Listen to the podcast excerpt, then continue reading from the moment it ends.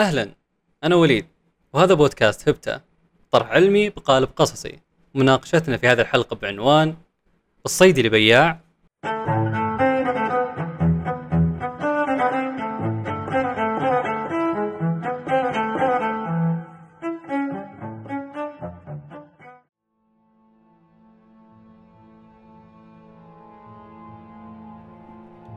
في العهد القديم في عصر العائلات الفرعونية كان يعقوب بطل قصتنا.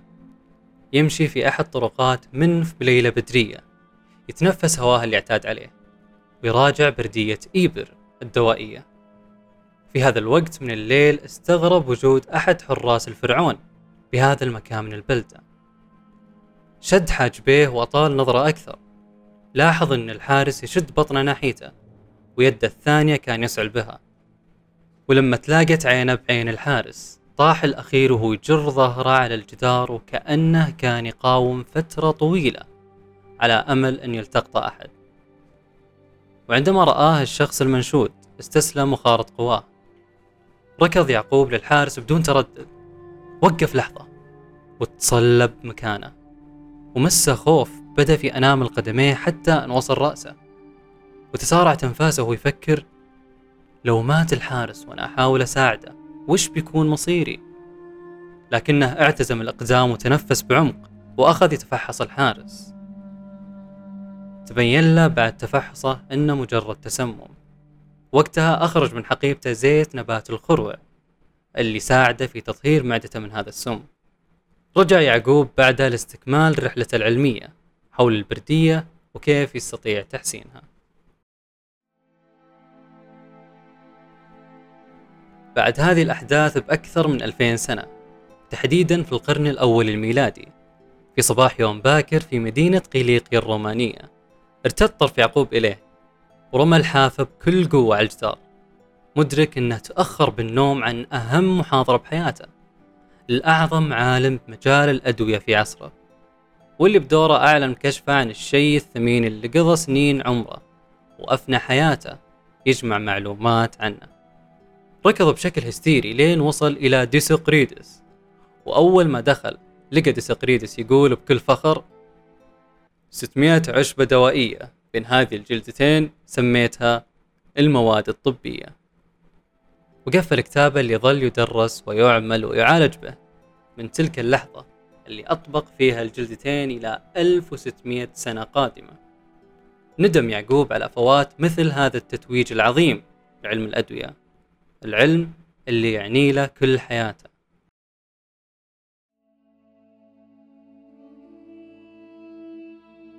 الأقرباذين أو الكربادن أول دستور عربي للأدوية. كان يتنقل يعقوب بين صفحاته على أمل أنه يشيل التوتر ويجزع الوقت الطويل لين تجي ساعة الصفر. موعد نطق القسم قسم الصيدلة. لعل محاولة القراءة ما ضبطت معه وقرر إنه يخرج ويتمشى بشوارع بغداد قاصدا مكانه المفضل في هذه الدنيا. الرفوف المرتبة والقوارير المتجاورة كل المواد الطبية اللي يصنع منها الدواء. راح لصيدلية مساوي وتحول فجأة لطفل يلهو بلعبته الجديدة. هذه الجدران الأربعة وما تحتويه من موارد لا تنضب كانت بالنسبة له هي الحياة. وصادف إنه قابل هناك طلاب صيدلة متوترين مثله لكن توترهم كان لأجل الامتحان النهائي. واختلفوا بأمر فراحوا للصيدلية على الصيدلي يفصل بينهم بما هم فيه مختلفون. شوفة الطلاب خففت من توتره لأنه حس براحة كونه أنها مسيرته الدراسية. ويفصل بينه وبين أنه يكون صيدلي بشكل رسمي عدة ساعات قليلة. أنهى القسم وأول ما انتهى استهلت عينه دمعتين. وأحس برغبة شديدة بالصياح أنا الحين صيدلي صرت من الجيل اللي غير مجرى الصيدلة بشكل كلي. حنا العرب. على يدنا تأسست أول صيدليات عامة بالتاريخ أجمع. حنا العرب أول من امتهن الصيدلة بشكل منفصل ومستقل بذاته. كل التاريخ يشهد لنا باحترافنا علم الصيدلة. أنا الحين صيدلي. بين الفراعنة والإغريق والرومان والصينيين وغيرهم من الحضارات اللي ساهمت في تدوين وتطوير العلوم المختصة بالصحة وعلاج الأمراض. لم يشهد العالم أنه شاف تطور كبير في هذا القطاع مثل اللي صار في العصر الذهبي للإسلام. ففي ذيك الحقبة أحدث عدة علماء مسلمين ثورة في علم الصيدلة. وتبينت لنا صورة كبيرة عن جسم الإنسان وعن علاقته بمسببات الأمراض وكيفية شفائها. ومن نقطة انطلاق علم الصيدلة في العهد الإسلامي ننتقل بعيدا في سياق تطويره وصولا إلى القرن التاسع عشر. ففي عام 1804 قدر الصيدلي فريدريك زيتنر يخفف من آلام البشرية وأوجاعها لحظة اكتشافه للمورفين. واللي بطبيعة الحال سهل الكثير من الإجراءات والجراحات الصعبة.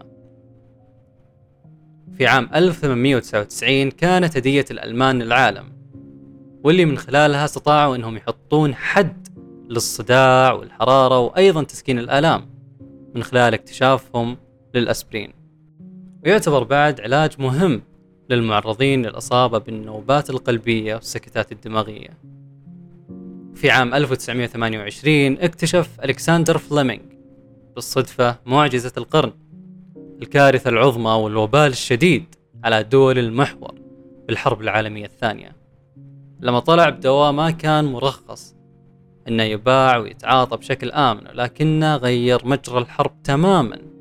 ولقبوه بالدواء المنقذ باعتباره أول مضاد حيوي في تاريخ البشرية وهو البنسلين.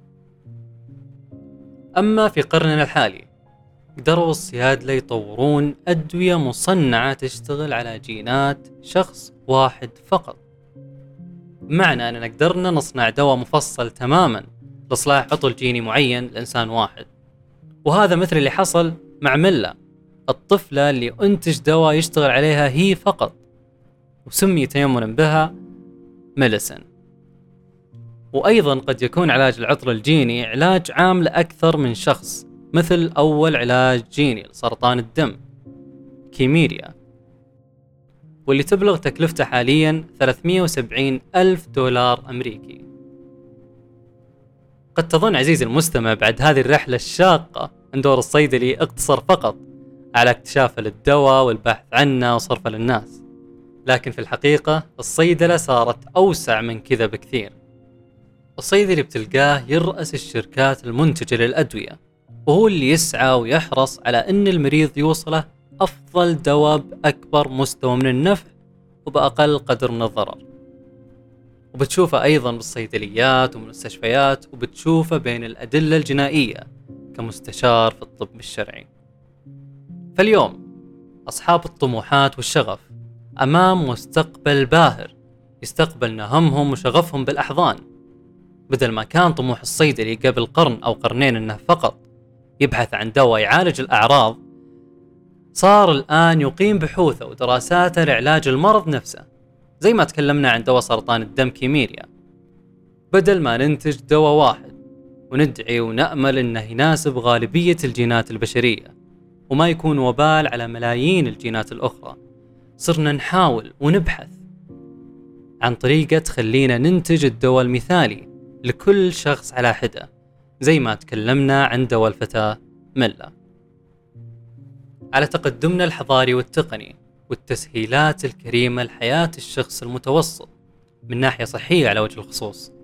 إلا وأننا ما استطعنا ننهي كمية كبيرة من الأمراض. فعلى سبيل المثال ما تغلبنا خلال كل هالسنين إلا على مرضين الجدري والطاعون. أما بالنسبة لباقي الأمراض فإما نعالج أعراضها أو نصنع لقاح يحد من انتشارها. وش الخطة؟ وش باقي نقدر نحققه؟ نوصل له بالمستقبل القريب أو البعيد؟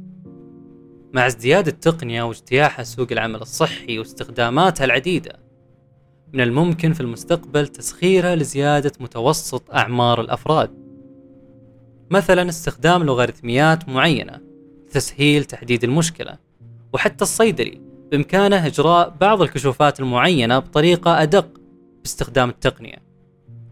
من الممكن أيضا توسعة مجال الصيدلي رقميا بحيث يكون الوصول له أسهل. توصيل المعلومة منه يكون بشكل أوضح. ابتكارات كثيرة ممكن نشوفها بشكل أكبر بالمستقبل القريب. تسهل عملية الصيدلي منها استخدام المرايا الذكية واللي تستخدم كاميرات متقدمة جدا. تحدد نوع التغير الصحي. عن طريق التنفس. وبعض الشركات تستخدم بكتيريا معينة على إنها طعام وتعمل عمل الدواء عشان توازن كمية السكر بالدم. بشكل عام عزيزي المستمع إنهاء الأمراض وهزيمتها تماما يكاد يكون صعب جدا وأقرب للمستحيل. نظرا لعدة عوامل مرتبطة بالجسم المضيف الإنسان طبيعة المتطفل أو الاعتلال. وهذا الشيء يكون مكلف جدا من ناحية مادية ويستنزف الكثير من الوقت في البحث والاختبارات.